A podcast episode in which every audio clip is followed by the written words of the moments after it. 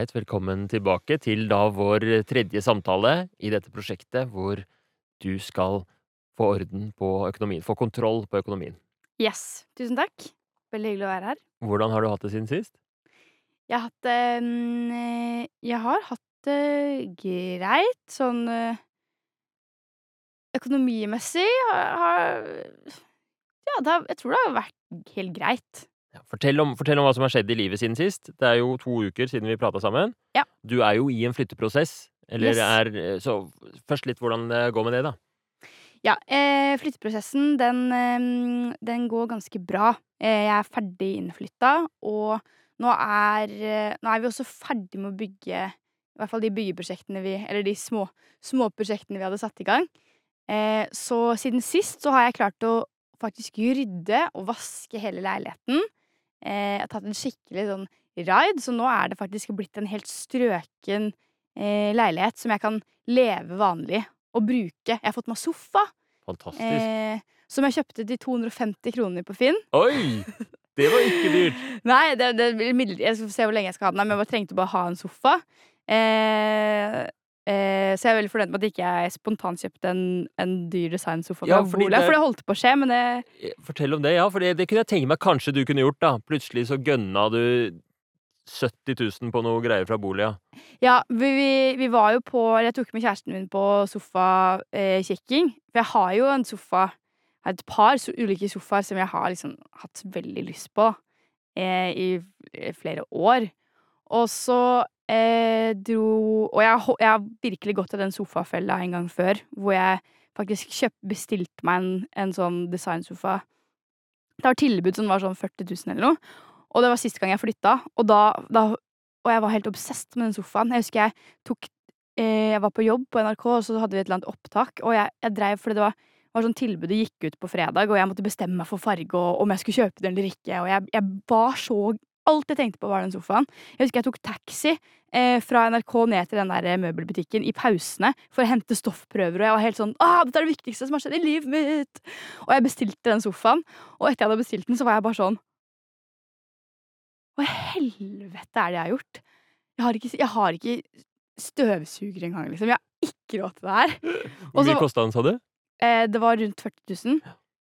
Jeg var innså sånn, jeg har ikke råd til det her. I det, eller sånn, jeg har kanskje sett en eller annen pengesum et eller annet sted, men jeg har ikke tenkt på at den pengesummen skal fordeles på liksom, mat og møbler og liksom, de vanlige tingene også. Så jeg måtte liksom ringe de, og det var sånn spesialbestilling, så du kan egentlig ikke returnere Eller du kan ikke, eh, ja, du kan ikke returnere den, da. Eh, Så jeg måtte liksom ringe de og nesten liksom grine til de, og da fikk jeg liksom ordna det, da. Så jeg fikk avlyst bestillingen. Ja, men fordi de, Det er jo klassisk lureri, de der sofagreiene. Fordi de sier at det er 40% rabatt, og du sparer 25 000, så man glemmer at det er liksom Ja. 40 000 igjen. Ja. Ja. Nei, men det var eh, Så denne gangen så kjøpte du en sofa til 250 kroner. Ja, for jeg, jeg holdt litt på å gå i samme fella nå også, var poenget mitt, da. Eh, og vi var på Bolia og kikka og sånn, men så, men så klarte jeg liksom å tenke litt, egentlig takket være dette her også, at jeg tenkte sånn, vet du hva, jeg skal heller bare la det gå litt mer tid, så jeg liksom får følt litt på det, og sånn at jeg er sikker på at jeg har eh, Og også fordi jeg har fått litt, over, litt bedre oversikt over økonomien min også, så har jeg liksom innsett at det er, de småsummene her og der blir ganske mye Shocking news. Men det blir ganske mye totalt, da, så, så jeg, har, jeg har egentlig ikke råd til å kjøpe den sofaen. Så da ble det 250 kroner sofa på Finn. Det, gratulerer, jeg syns det høres veldig bra ut.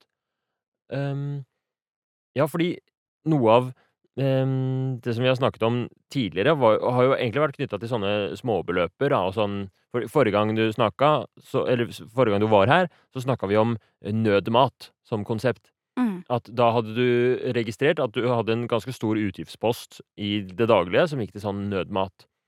Um, hvordan har det vært med Så det jeg lurer på, da, er hvordan har det vært med å få etablert kjøkken og sånn i nye eh, Har du et fungerende kjøkken nå? Ja, det har jeg. Eh, det er et veldig deilig kjøkken også. Eh, så det har eh, I går og Eller på mandag, da lagde jeg faktisk min første ordentlige middag på kjøkkenet mitt. Gratulerer. så vidt jeg kan huske. Ja, min første ordentlige middag jeg lagde Eller første sånn god, go, sånn sunne middag. Ja. Så da lagde jeg en eh, eh, blomkål- og brokkolisuppe fra bunnen av. Eh, Og det var helt nydelig. Hvor mye kosta det, da? Det kosta eh, Åh, søren, hva kan det her koste, da? Det koster jo litt, men det, det blir jo til flere måltider, da. Um, eh, så kanskje sånn søren, hva kan det koste, da? En blomkål og en brokkoli og litt fløte og litt eh, bacon og Jeg tipper det kosta kanskje 100 kroner, da. Ja, det var kanskje rundt 100 kroner. Og det utgjør kanskje mat det var til deg og kjæresten, eller? Det var bare til meg. Ja. Hadde det vært til kjæresten min også, så hadde vi hatt to porsjoner pluss to resteporsjoner. Mens nå Ja. ble det én porsjon til meg, og så ble det én resteporsjon, og så kasta jeg resten. Ja, Så du fikk to porsjoner, så det er 50 kroner per- porsjon. Mm. Og den nødmaten som du snakka om, som typisk er sånn at du bestiller Fodora fordi du orker ikke å lage mat, Mm. det vil ofte koste 300 kroner for en porsjon. Eh, ja, her en dag bestilte jeg Ja, nå avslører jeg meg selv litt, da, men dagen så bestilte jeg eh, Så bestilte jeg Foodora med kjæresten min. Og vi kjøpte en pasta, og jeg liksom går på bestillingen og så, ser jeg, og så trykker jeg inn det vi skal ha, og vi skal ha hver vår og litt ekstra ting. Og så ser jeg liksom at eh, Eller jeg bare tenkte ok, nå er det i orden. Og så, når maten kom, så var det bare én pasta. Og jeg kikka på bestillingen, og jeg bare sånn Å, fy søren, det her kosta Det kosta over 600 kroner. Hadde jeg, jeg hadde sett det, ikke sant? Jeg hadde tenkt at det her er jo selvfølgelig Jeg har jo selvfølgelig lagt inn til to. Det ringte jo ingen bjelle sånn Her mangler det en porsjon. Og det var til én person! Ja. Over 600 kroner! Ja, det er helt drøyt. Det var tydeligvis en veldig dyr Foodora òg. Ja, ja, det var jo en var voldsomt grusomt. dyr Foodora, da, så det er u, urealistisk. Men la oss ta det eksempelet, da. 600 kroner for en porsjon kontra 50 kroner per porsjon. Så det er Mm. 550 kroner i forskjell. Og hvis man tar det eh, daglig utover et år, så blir det ca. 200 000 kroner. Kan ikke stemme. Det var for Nei, det kan ikke stemme. Det var for mye. Kanskje 20? Nei, 550 på et år blir eh, ja, det, 150 000 kroner, kanskje. Hvis du bruker 500 kroner ekstra om dagen. Mener du det? Å, fy søren. Ja, når man sier det på den måten. Da har du råd til tre boligsofaer! Satan. Og det, det har jeg jo ikke råd til heller, så. Men, ehm, men, men, det, men jeg var veldig fornøyd med å ha laget meg mat. Og jeg gjorde det i går også. Da lagde jeg meg også en eh, middag. Jeg lagde meg en pastarett med kylling og sånn. Eh, og det fø føles egentlig veldig bra. Kjempebra. Så, øh, så det som var liksom målet ditt forrige gang, var å prøve å, øhm, å redusere litt på denne nødmaten. Mm. Um, særlig sånn Fodora-bestilling eller ut og bestille takeaway. Og så hadde du en plan om å erstatte det litt, fordi du visste at særlig når du er øh, for deg selv, øh, når du bare skal ha mat selv, så syns du det er tungvint å lage mat helt fra bunnen av. Så du hadde en slags plan om å bruke litt eh, sånne ferdigretter. Fordi Mm. det er ehm, Det er eh, mye billigere enn å kjøpe Fodora, og like bra, og et, et fint sånn, fin sånn vane å ha. Ja, og, og det gjorde jeg og kjæresten min også en gang. For det har jeg faktisk klart å gjøre flere ganger. Um, men en gang hvor vi var nære på å bestille Foodora, så tenkte jeg sånn Åh, hva har jeg lyst på på Foodora? Kanskje noe indisk? Men da gikk vi heller på butikken, så kjøpte vi to sånne eh, Toro-pakker med indisk. Og så kjøpte vi nambrød ved siden av. Og så Og kanskje litt, hadde litt tilbør. Og så hadde vi en, en full middag, og det kosta kanskje ja, kanskje sånn 90 kroner per person eller noe til sammen. Kanskje rundt 100. Istedenfor Ja, indisk er jo ofte litt dyrt når du bestiller ute. Da koster det kanskje sånn 3 300 per person. Per person kan Mhm. det fint koste. Så da var jeg veldig fornøyd. Fantastisk. Da bytta vi ut.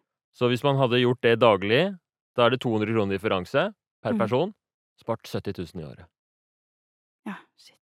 Det, blir, det er det som er så rart. Det blir så mye penger når du samler det opp. Det er helt utrolig. To boligsofaer. Ja, fy søren. Eller én boligsofa hvis ikke det er tilbud. ja. mm. Nei, men jeg syns dette her er, er um, utrolig bra jobba, da. Det er, altså, én ting er å, å snakke om det litt lettbeint nå, men du har faktisk Å gjennomføre endring i sånne vaner er ganske krevende. Og Eh, og du har nå flere episoder hvor du istedenfor å kjøpe nødmat, som var liksom en vane tidligere, som satt liksom i personligheten din, at det var eh, første reaksjon Du har Mm. brukt masse viljestyrke nå, og energi, og, og jobbet for å endre det. Så du har både gjort det med, med ferdigretter, som er kjempesmart, og du har også laget mat fra grunnen av. Som Mm. jo er Da blir det i tillegg veldig sunt og godt, og du har Men det krever jo litt mer innsats, da. Mm. Og det som jeg husker som vi har snakket mye om, eller som du var opptatt av, var at du Noe av liksom formålet med å være her, var at du ønsket å En ting var å få kontroll på økonomien, og så hadde du lyst til at pengene du bruker, skal gå til ting som er viktig for deg. Mm. Og så nå har du liksom Du har laget mat selv, og så har du også valgt å ikke kjøpe Bola-sofa, fordi jeg husker noen av de tingene du sa var viktig for deg å bruke penger på, var sånn som reise og og um, Men også litt sånn å kunne bevare spontanitet og sånt noe var viktig, men, men, men særlig sånn reise, klatring, de tingene der, da. Mm.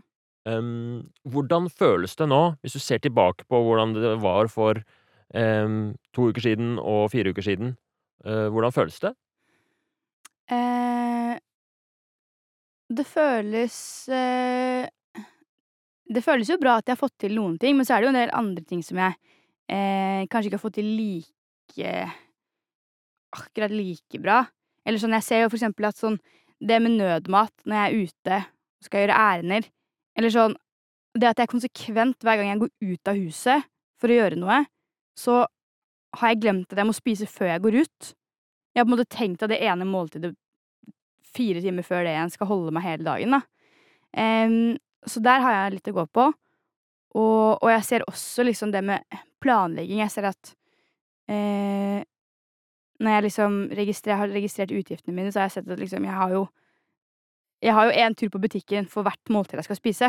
På en måte. Skal jeg ha en lunsj, så er det en tur. Skal jeg ha en middag etterpå, så er det Så det kan være liksom tre butikkturer på én dag. Fordi at eh, jeg ikke har planlagt hva jeg skal ha. Så der også er det en del å gå på.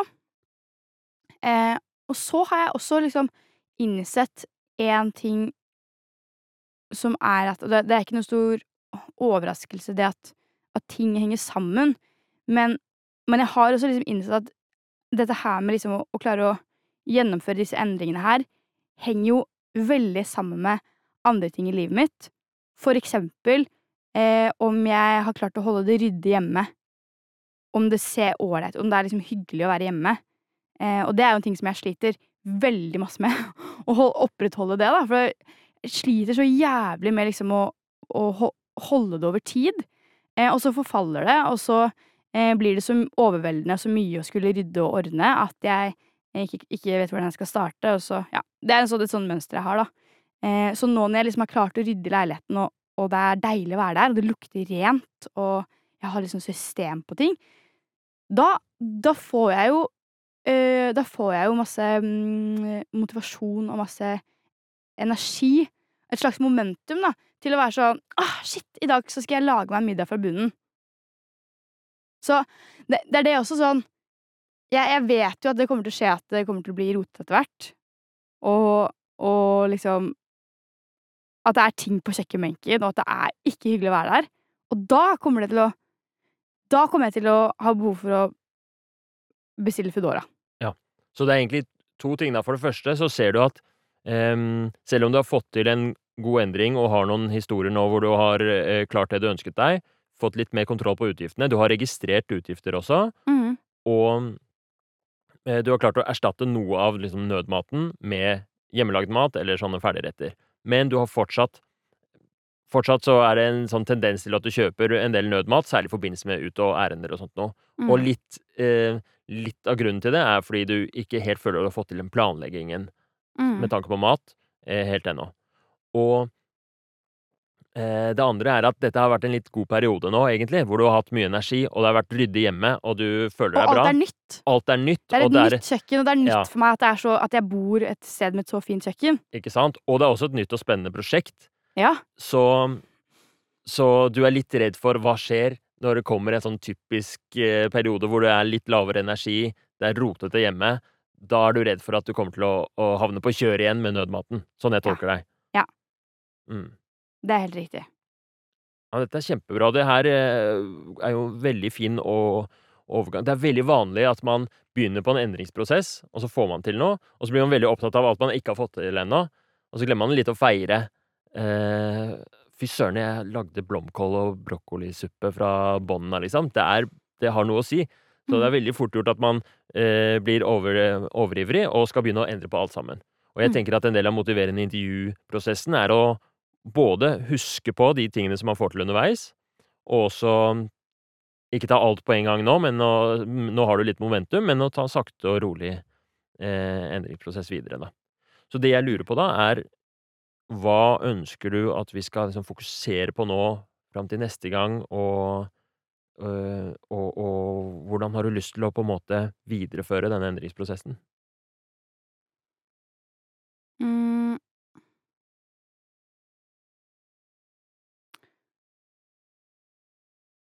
Det Der må jo du gjerne komme med litt innspill òg. Um, Fordi det det er på en måte som at jeg liksom har innsett liksom noe av Eller de tingene jeg sliter med, da, har jo på på en måte røtter til andre ting. Det har jo på en måte rot Det å lage mat hjemme har rot til liksom rot faktisk rot hjemme, da. Ja. Eh, så på en måte om jeg hadde klart å holde det ryddig, så ville det eh, i hvert fall gjort det veldig mye enklere. Eh, det er én ting. Og så er det det med planlegging. At hvis jeg hadde klart å planlegge litt bedre, eh, og hatt litt oversikt, eh, litt liksom over flere dager av gangen, da vil det være mye lettere eh, med disse nødløsningene, da. Så det er liksom hvor man skal starte. Veldig interessant. Det du beskriver, er jo sånn som veldig mange vil kjenne seg igjen i, tror jeg, kanskje du som lytter også, at um, at man har liksom et sett med vaner i alle livets arenaer, og de er henger litt sammen. Og så er det noen vaner som kanskje er med uten at man helt er bevisst på det alltid, påvirker alt annet. Så du kommer hit og tenker sånn 'jeg må få orden på økonomien'. Kanskje Mm. er det egentlig eh, vanene knytta til rydding hjemme som er utslagsgivende for at du kjøper nødmat så mye og har eh, høyere forbruk enn det du ønsker. Mm. Og det du lurer på, er liksom hvor skal jeg begynne? Du har um, Og det er, eh, det er jo kjempebra. Det er jo eh, Det du beskriver, er jo også en slags sånn motivasjon, da. Underforstått her er jo at du har lyst til å fortsette endringsprosessen, og så er Mm. du litt usikker på hvor du skal angripe det. Mm. For det er også det er også det er kanskje Ja, det er kanskje det som faktisk er der man må starte, det med liksom å hvordan det ser ut hjemme, hvordan jeg har det hjemme. Fordi jeg jeg kan også kunne også starte med liksom å planlegge Legge en plan for uka, liksom. Men det er sånn, hvor skal jeg sitte når jeg lager den planen, da? Skal jeg sitte i rotet mitt hjemme? Det kommer aldri til, kommer aldri til å skje. For jeg orker ikke å sette meg ned ved spisebordet og skulle begynne å skrive en plan hvis det, hvis det ser helt jævlig ut der. Så det er kanskje roten til veldig mye av det, da. Rotet er roten til veldig mye. Og det er veldig, men jeg tror det er veldig interessant, og det er jeg helt overbevist om at hvis du gjorde et eller annet studie på, så vil du se en stor sammenheng mellom de som har det rotete hjemme, og de som ikke har kontroll på økonomien. Mm. Og um, um, fordi akkurat av grunner sånn som du beskriver, da, hvis du har det rotete hjemme, så er det større sjanse for at du ikke finner den tingen du trenger, kjøper en ny. Det er større sjanse for at du ikke orker å lage mat hjemme, kjøper mat ute. Mm. Og, um, og, og hva som er årsak til hva, det kan man ikke alltid vite. I et motiverende intervjuprosjekt så er det veldig viktig at eh, vi, vi bruker litt tid på å utforske liksom, hva er viktig for deg å endre nå, øh, og hva er viktig for deg å vedlikeholde beholde. Så, så det kan hende det at, at eh, målet til neste gang kan være noe som handler om, eh, om eh, å holde det ryddig. Gjerne knytta opp til liksom, hvordan det påvirker økonomien. Da. Mm. Bare sånn ehm, Før vi går i gang med å liksom, sette mål for neste gang, kan vi snakke litt om ehm, Fordi du har fortalt om eh, målet du satte med å prøve å redusere bruk av eh, nødmat. Altså spontant kjøp av takeaway og sånt noe. Og at du hadde lyst til å få til ferdigmat og lage mat selv. Det har du fått til. Mm. Og så har du jo i tillegg Um, eh, registrert øh, kostnadene. Har du Mhm. fortsatt å gjøre det? Har du fått til det? Ja, jeg har gjort det. Jeg har falt litt av innimellom, men jeg har liksom henta meg inn igjen. Og det er jeg veldig fornøyd med. For det er typisk at jeg faller av, og så faller jeg helt av. Hvordan øh, Jeg husker da forrige gang, de siste to ukene, så hadde du et forbruk på ca. 1000 kroner dagen. Mm. De, ehm, det er kanskje litt vanskelig å regne nå, men vi kan jo, du kan jo se på september. Nå er det 7. september når vi spiller inn dette. Mm.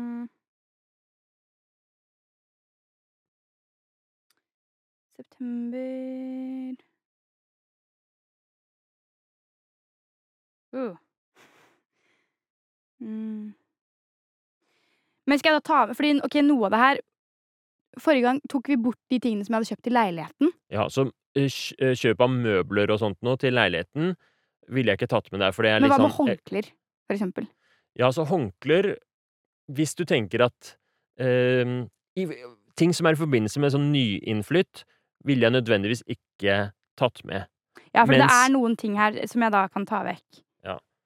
Så, men, men, eh, men eh, man vil jo ha litt utgifter til møbler og håndklær og sånt noe i hverdagen også. Men det blir litt sånn spesielt på grunn av at du nå flytter, da. Ja, for en del av de tingene her er sånn en ny lampe til badet. Ja. Det, er, det er sånne ting som på en måte trengs, men det er sånn engangsgreie. Um, så da må jeg faktisk ta vekk 2200 pluss 2500. Så 4700 skal vekk. Ja. Og totalsummen for september er 9220. 9220 minus 4700 er da ca. 4500. Og for Satan, du er rask på å regne. Ja, ja, men jeg er litt god på hoderegning. Fy søren. Ja. Og på syv dager så er det ca. 650 kroner dagen. Ja. Så du har redusert forbruket ditt med 350 kroner um, dagen, da. Fra du hadde ca. 1000 kroner sist. Ja. Og 350 kroner utgjør på et år eh, over 100 000 kroner. Åh, shit. Det er så mye, det. Og det som er bra med, med det, er at her har jeg faktisk også Nei, det var ikke i september Nei. Ja, det var i august. Nei, bare at jeg eh, Forrige gang når vi så på forbruket mitt, så hadde jeg liksom ennå ikke brukt noe penger på hudpleie, eh, sjampoer, eh, sånne type ting. Eh, og det var det jeg skulle si at det har jeg nå. Men det var i august, altså. Det var, Ja, okay. det var ikke mer Ja. Men det også er jo en del av det faste forbruket, ikke sant? Men jeg, jeg, jeg syns det er Selv om fokuset ditt nå var jo ikke først og fremst jeg skal på død og liv få alt dette ned, Nei. men ved å registrere, og ved å sette et ganske konkret mål om at nødmat og, og lage mat hjemme, det er liksom et sånt fokusområde nå, så har du fått kraftige resultater, da. Mm. Så å redusere forbruket sitt på 35 det er eh, ekstremt bra. Og, og så, så det er eh, Du skal være veldig stolt av det. Ja, det er jeg fornøyd med. Og jeg er veldig glad for at jeg har fortsatt Det må jeg fortsette med. Å eh, registrere. For det er veldig Det er helt essensielt å ha den oversikten. Ja. Det er en kjempegod vane for eh, økonomi. Det er bulletproof. Hvis man gjør det, så er man langt på vei Altså, da er det så lett å kunne se Plutselig kan du sjekke hvordan har det gått denne måneden. Ok, det er litt mye. Hva er det jeg bruker penger på? Ok, kanskje jeg skal gjøre en liten endring. Så det er helt fantastisk. Alle som vil ha kontroll på økonomien sin, finn en eller annen app, et eller annet verktøy, for å registrere det du bruker penger på. Noen nettbanker og sånn har jo sånne automatiske registre... eh, Som du kan se, men jeg syns den verdien av å ha en app og taste inn, selv om det tar litt tid, utrolig verdt det. Du får en sånn bevissthet. Mm. Så etter min mening så er liksom økonomisk kontroll består av to ting. Det ene er det du gjør der, og det andre er å ha et budsjett. Og Mm. det kan hende at det med å ha et budsjett er noe som vi kan se på eh, som en del av prosjektet ditt, men det kan du få velge, da. Om mm. du vil eh, Hvis man har de to tingene på plass, så har man økonomisk kontroll.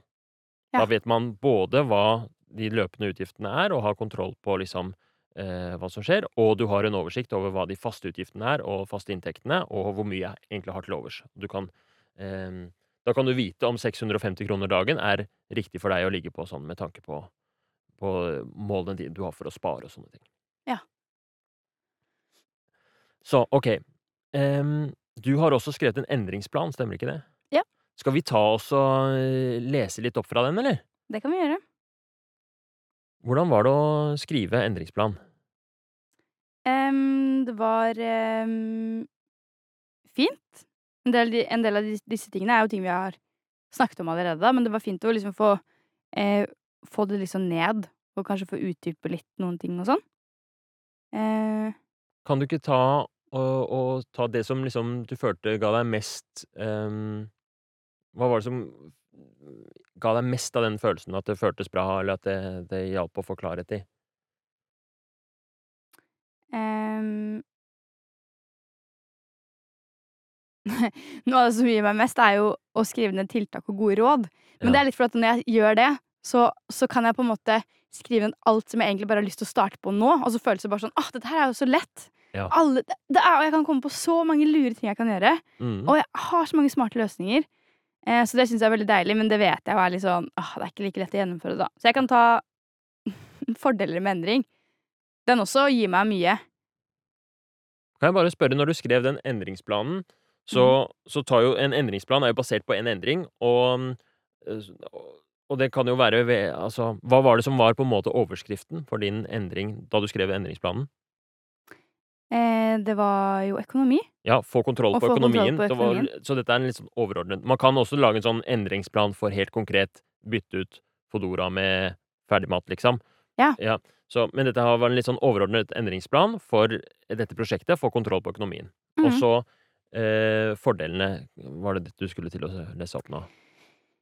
Ja. Og da har jeg laget en lang liste. Eh, og der står det, i punkter, da, så står det eh, at eh, Ok, så fordelene med å, eh, å gjøre endringen, og det som motiverer meg, er at jeg slipper å være redd for å ikke kunne betjene lånet mitt, eller at jeg Eller å slipper å være redd for at jeg ikke er rustet for perioder hvor jeg kanskje har mindre jobb enn det jeg har nå. Eh, kan reise mer. Eh, kan invitere venner på middag og spandere.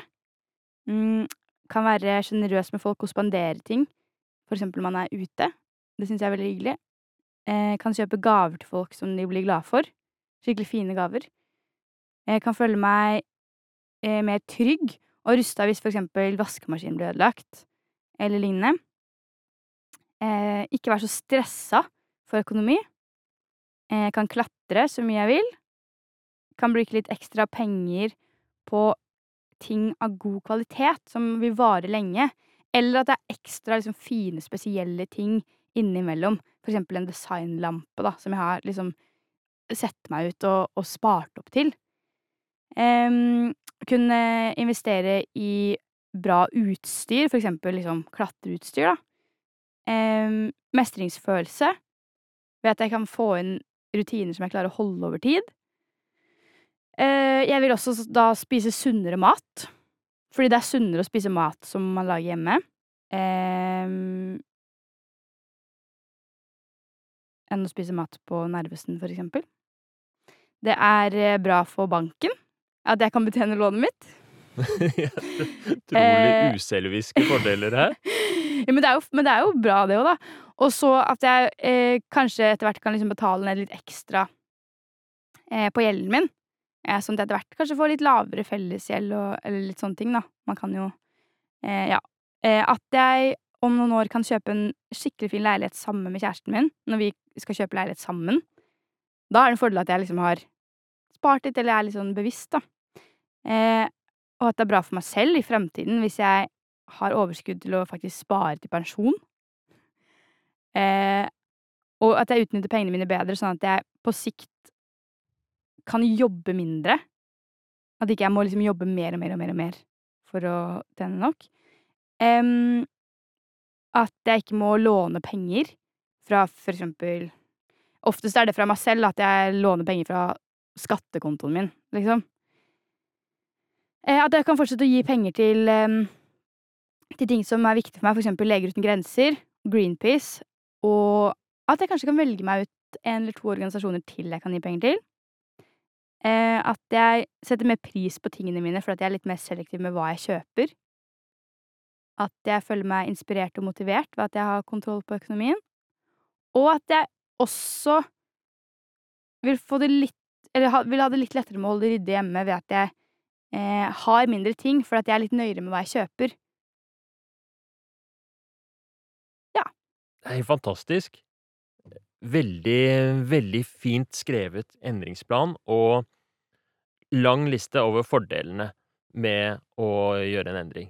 Og jeg Mm. syns du um, vi demonstrerer her hvor bra en sånn endringsplan kan være, da. For når jeg hører på deg si det, så får jeg virkelig um, virkelig følelsen av hvor viktig dette er for deg.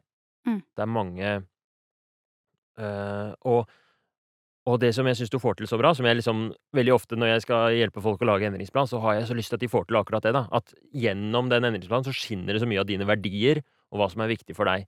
Og sånn er det jo med økonomi, at det er eh, Pengebruken vår vil jo på en måte være en, eh, et signal på hvilke verdier vi har, og veldig mange tror jeg føler på at eh, det de bruker penger på, er ikke egentlig det som er viktig for dem, Mm. fordi det kommer litt ut av kontroll, da. Og eh, Nei, jeg syns det, var- syns det var kjempebra. Og jeg er glad for at vi, vi gjorde dette her, at vi gikk gjennom den endringsplanen uh, nå, sånn at vi har det litt i mente. Hva er det som er viktig for deg? Hva er det du vil med dette prosjektet?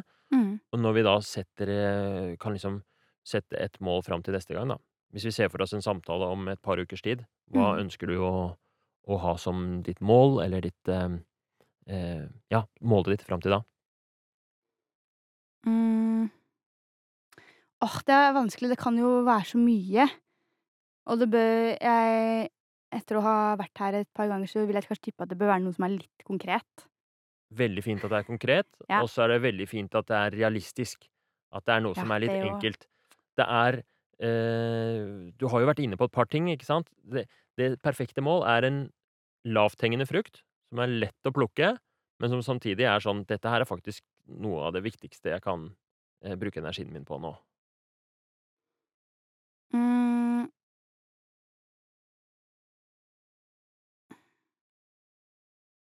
En ting som kunne kanskje vært et fint mål, da, som ikke er så veldig på sånn For det kan jo si sånn at jeg skal lage ukesmeny hver uke, typ, men det er jo eh, ganske, egentlig ganske sånn stor greie å skulle starte med. Men en ting som jeg tror kanskje kunne vært et fint mål, er Hvis målet mitt er at jeg skal Jeg vet ikke hvor mange ganger jeg skal gjøre det, da, men si én gang i uka, eller to ganger i uka, eh, invitere eh, noen til å komme hjem til meg og lage middag. Fordi det eh, gjorde jeg forrige uke. Og da da vil jeg jo rydde, ikke sant? for jeg vil at det skal være hyggelig, og jeg vil at det skal være kanskje litt ekstra fint. Kanskje jeg vasker litt, og det skal være sånn ordentlig liksom shina. Eh, og så, eh, nummer to, så får jeg også laget mat.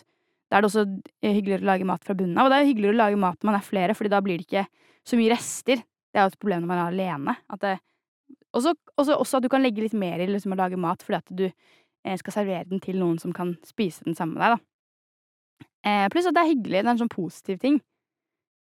Eh, men det krever bare at jeg må liksom ta initiativ eh, til å invitere noen til å spise middag med meg. Fantastisk. Jeg syns det er veldig godt eksempel på et smart mål. Altså, det er kjempekonkret og målbart, ikke sant? Så vi, når du kommer tilbake, så kan vi telle hvor mange ganger har du hatt invitert gjester. Og det er Mhm. helt konkret. Det er lett å vite om det har skjedd eller ikke. Og så har du valgt et mål som er litt sånn lurt, da, fordi det eh, på en måte medfører at du adresserer både det med at det blir ryddig, og du adresserer det med at eh, man lager hjemmelagd mat istedenfor Fodora. Mm. Og det hørtes ut som noe som er realistisk å få til, og så er det litt sånn gøy og forbundet med Ganske tett knyttet opp til eh, de tingene du beskrev i endringsplanen, da. At du går liksom direkte til Altså, i endringsplanen så var det mye om at du hadde lyst til å spandere på folk, og du hadde liksom Du hadde lyst til å um, ha, ha råd til å bruke penger på ting som er viktig for deg. Mm. Og eh, jeg syns det høres kjempebra ut, så hvis du har en god følelse på det målet, så kan vi gjerne sette det som et mål. Mm. Har du lyst til å um, konkretisere vi, vi trenger jo ikke å gjøre mm, Ofte så setter man sånn Skal det være to ganger eller tre ganger? Jeg tenker det er Når det kommer til sånn å invitere folk på middag, så er det jo ikke alltid det kan. Plutselig blir det avlyst og sånt noe. Men Mm. hva, har du noen sånn tanke om øh, hva du hadde vært fornøyd med? Er, det, er du fornøyd med hvis det er liksom én vennemiddag, eller vil du ha to, Mm. eller Det er jo litt avhengig av også når Jeg ser for meg at neste samtale er om to eller tre uker, da. Ja, jeg tenker én i uka. En i uka, cirka. Det tror jeg er realistisk. Ja. Og da, i motiverende intervju-teorien, så skal man ofte halvere pasientens ambisjon. Nå er ikke du pasient, du er deltaker her i podkasten, men mm. eh, jeg tenker eh, en uke er kjempebra. Hvis det er en annenhver uke, altså det har skjedd én gang til sist, så er det i hvert fall det er eh, noe som vi skal være veldig fornøyd med. Ok. Eh, så det er kjempebra. Hvordan føles det? Det føles bra. Og det er deilig at det er litt sånn positivt mål også. At ikke det er sånn Jeg skal ikke Det er forbudt å kjøpe Gå på butikken flere ganger om dagen. Det er forbudt å kjøpe mat på Narvesen. Ja. Det er mer sånn åh, tvang, mens dette er liksom en, som en, mer en gulrot. Jeg husker jo det på starten, at du når, du når vi gikk gjennom ambivalensfirkanten i første episode Hvis jeg ikke husker feil, så var det sånn på fordeler og ulemper, så er fordelene at du Mange av de tingene som du leste opp i endringsplanen, og ulempene var sånn at da må jeg leve et veldig rigid liv, og da må jeg følge veldig strenge regler. For, de, for deg så var endring forbundet med at det er veldig sånn strikt og svart og hvitt. Mm. Og det som du sa du likte nå, var at det ikke var det. Du liker at det er et positivt mål som handler om noe som du skal gjøre, ikke noe sånn ikke sånne voldsomme begrensninger. Mm. For det tror jeg på. Jeg, jeg, selvfølgelig så hører det jo litt med i en sånn når man skal få økonomisk kontroll og få til visse begrensninger, men jeg tror det er veldig lurt å gjøre sånn som du gjør. At du velger deg et positivt mål, og så vil de begrensningene komme litt sånn av seg selv, uten at de må tvinges fram, da, uten at man blir sånn obsessed med det. Mm. Så den dagen hvor du, hvor du inviterer til middag, så vil du sannsynligvis eh, ikke bestille Fodora da, ikke sant. Men du trenger ikke å ha en regel for det. Mm. Supert. Så for å oppsummere samtalen. Vi startet med å snakke litt om hvordan det hadde gått siden sist. Du hadde fått til de tingene du ønsket deg. Redusert på nødmat. Kuttet forbruket med 350 kroner dagen. Og eh, også en sånn bieffekt som ikke var planlagt på forhånd, men du kjøpte sofa til 250 kroner istedenfor 40 000. Fantastisk eh, lur økonomisk beslutning. Mm. Og mm, vi har snakket om endringsplanen din, og nå er målet for neste gang å invitere til middager og ha det som en litt sånn eh, et lite prosjekt nå. Ja. Det Perfekt. veldig bra ut. Tusen takk for at du er med på dette. Er det, hva er det du sitter igjen med etter eh, denne samtalen? Eh, jeg sitter igjen med jeg, jeg føler at vi Eller det føles bra at vi liksom gjør det såpass ordentlig. Fordi det er jo eh, lett å liksom Eller jeg er vant til å jobbe med TV, og der er- faker man ofte til ting. Eh, for at det skal bli bare underholdning. Så jeg syns det føles veldig bra at vi liksom faktisk går, går litt i dybden, da. Og gjør det litt grundig. Det gir meg liksom mer tro på at um, jeg kan få til um, en endring over tid, da. Så bra. Det er viktig for meg òg. Og, du- har jo også nevnt litt sånn Det er jo en sånn fin ting som kommer fram da, når man jobber med både med endringsplanen og med ambivalensfirkanten. Så har du jo nevnt det at du er litt redd for at ja, nå er det alt nytt og fresht. Og eh, nå har du liksom momentum, og du er nettopp flytta, og det var masse positivitet knytta til det. Hva skjer eh, når det kommer en dårlig periode? Hva skjer hvis det blir rotete hjemme? Hva skjer når det tar litt lengre tid? Så vi skal ta deg med hele veien, og vi skal fullføre denne endringsprosessen, sånn at vi lander på et godt sted med enda mer trygghet i at dette er Ikke bare har du fått kontroll på økonomien, men, men også kanskje så har vi gjennom denne prosessen lært noe om endring generelt, og fått en slags mestringsfølelse som går enda dypere enn bare 'jeg sparte så og så mange tusen'. Ja. Tusen takk for at du er med på dette, og da ønsker jeg deg lykke til til neste gang, og så ses vi om et par uker siden. Takk for at jeg får være med, og takk for det.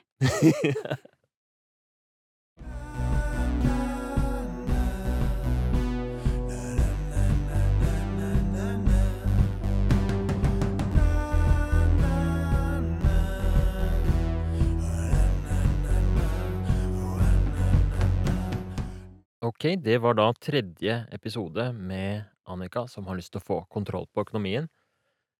Jeg tenkte jeg skulle snakke litt om en kommunikasjonsferdighet nå som jeg brukte aktivt i denne samtalen, som er en veldig undervurdert kommunikasjonsferdighet for eh, helsepersonell å bruke i alle typer samtaler, egentlig.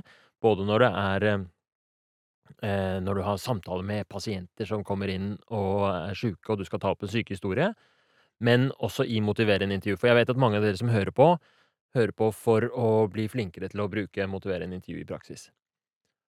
Så mitt råd er å bruke oppsummeringer så mye som mulig. Det er en av de beste verktøyene vi har for å strukturere samtalen, for å få gode rammer og for å hjelpe gjesten, i dette tilfellet er det jo en deltaker i en podkast, men også hvis det er en pasient, å hjelpe pasienten å kunne gjøre den derre kognitive jobben det er å, å, å reflektere over ambivalens og styrke sin mestringstro, alle de tingene der, bestemme seg for mål.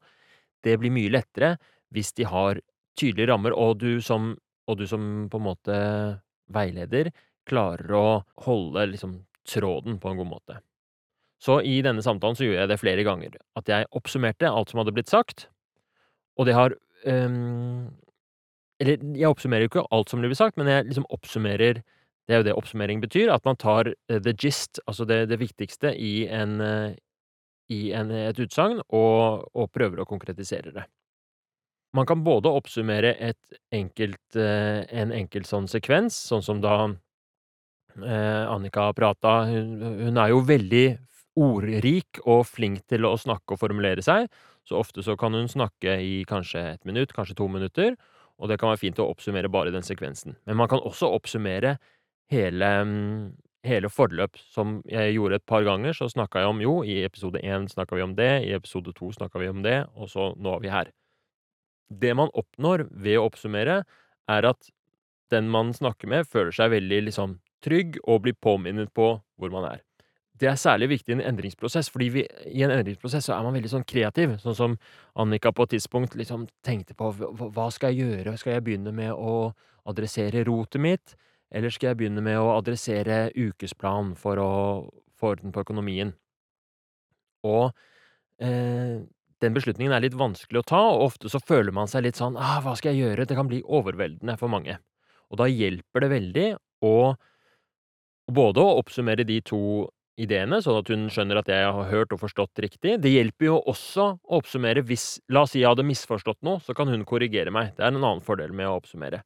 Men det som jeg da kunne gjøre, var at vi oppsummerte hele prosessen. Vi oppsummerte litt hva er det som er grunnen til at du er her, og det hjalp henne med å ta den beslutningen. Når jeg har undervisning med medisinstudenter, så sier jeg hvis du er i tvil om hva du skal spørre om eller hva du skal si, så ta en oppsummering. Og du kan gjerne starte den oppsummeringa med å si, for å oppsummere litt, det du sier er at prikk, prikk, prikk. Det som veldig ofte skjer når man oppsummerer, er at man selv også kommer på hva som er et naturlig neste steg i samtalen.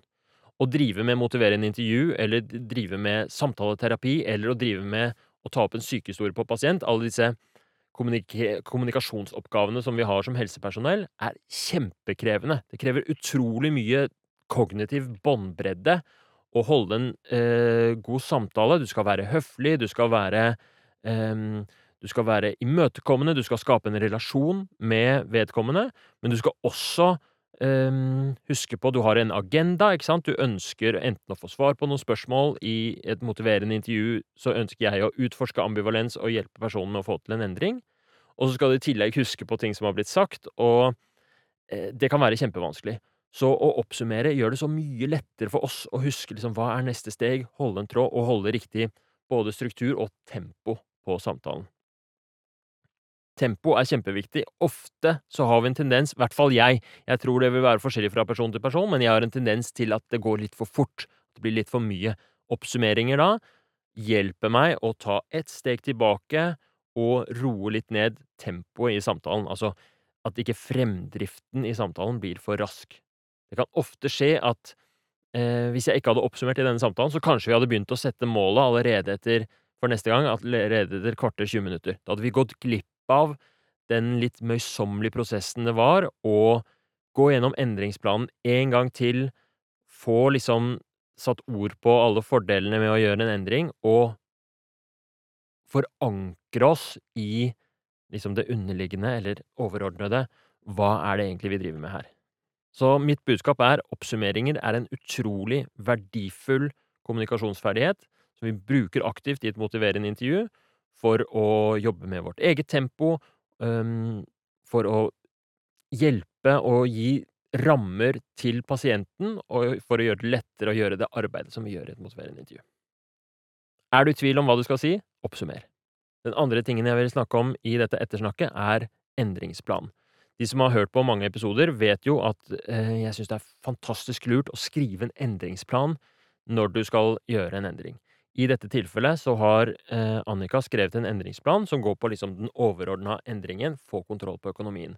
I en sånn endringsplan så er det flere punkter. Det er blant annet at man skriver fordeler og ulemper. En slags sånn gjentagelse av den eh, ambivalensutforskningen vi gjorde i første episode. Men det er også at man skriver en visjon for hvordan man forestiller seg at livet ser ut hvis man får til endringen. Og det er også eh, et punkt hvor man skriver ned og brainstormer eh, gode råd og tiltak. Der er det også en tanke at man kan spørre andre om råd. Og, og spørre andre om råd, det er et annet tema igjen, men det, skal, det kommer jeg tilbake til hvorfor, um, i en annen episode. Hvorfor det er så utrolig konstruktivt og viktig når man skal uh, gjennomføre en endring. Og det er flere sånne punkter på den endringsplanen. Den endringsplanen som Annika har skrevet, den kan du gå inn og lese ved å gå på uh, i beskrivelsen. Den legges ut i den motiverende intervjugruppa på Facebook. Hvis du har en eller annen endring du vil gjennomføre, så kan du også laste ned eh, mal til endringsplan fra nettsida mi, hermanegenberget.com. Det er veldig hjelpsomt å ha den endringsplanen, både for å Det vil være motiverende i seg selv å skrive på den, men det blir et dokument som du kan ha med deg gjennom hele endringsprosessen. Som minner deg på hvorfor du gjør dette her, hva som er viktig, og som også kan minne deg på liksom hva du har fått til, for etter hvert så skriver man inn milepæler og hva man har fått til der. Og det hjelper oss fordi vi er så flyktige, og det er litt sånn forskjellig fra person til person, da, men Annika er jo sånn som mange av oss, jeg også er sånn, at vi kan bli veldig engasjert og veldig inne i noe i et øyeblikk, og så kan vi kanskje la det gå to-tre uker, og så kan vi være plutselig i gang med et eller annet annet. Og så har vi glemt litt hvorfor var det vi drev med dette med å få kontroll på økonomien. Og ved å ha en sånn endringsplan, så blir det et sånt dokument som du har med deg, som du kan gå tilbake til, og kan være et veldig verdifullt verktøy. Og mange av deltakerne i podkasten, de har brukt denne endringsplanen aktivt i perioden etter at de har gjennomført prosjektet, og hatt det som en sånn måte å vedlikeholde endringen på. Kjempefint verktøy. Ålreit. Takk for nå. Det var en veldig spennende episode. Jeg er spent på hvordan det går med, med Annika sitt eh, mål om å lage fellesmiddager og, og fortsette å, å registrere utgiftene sine. Ha en fin dag videre.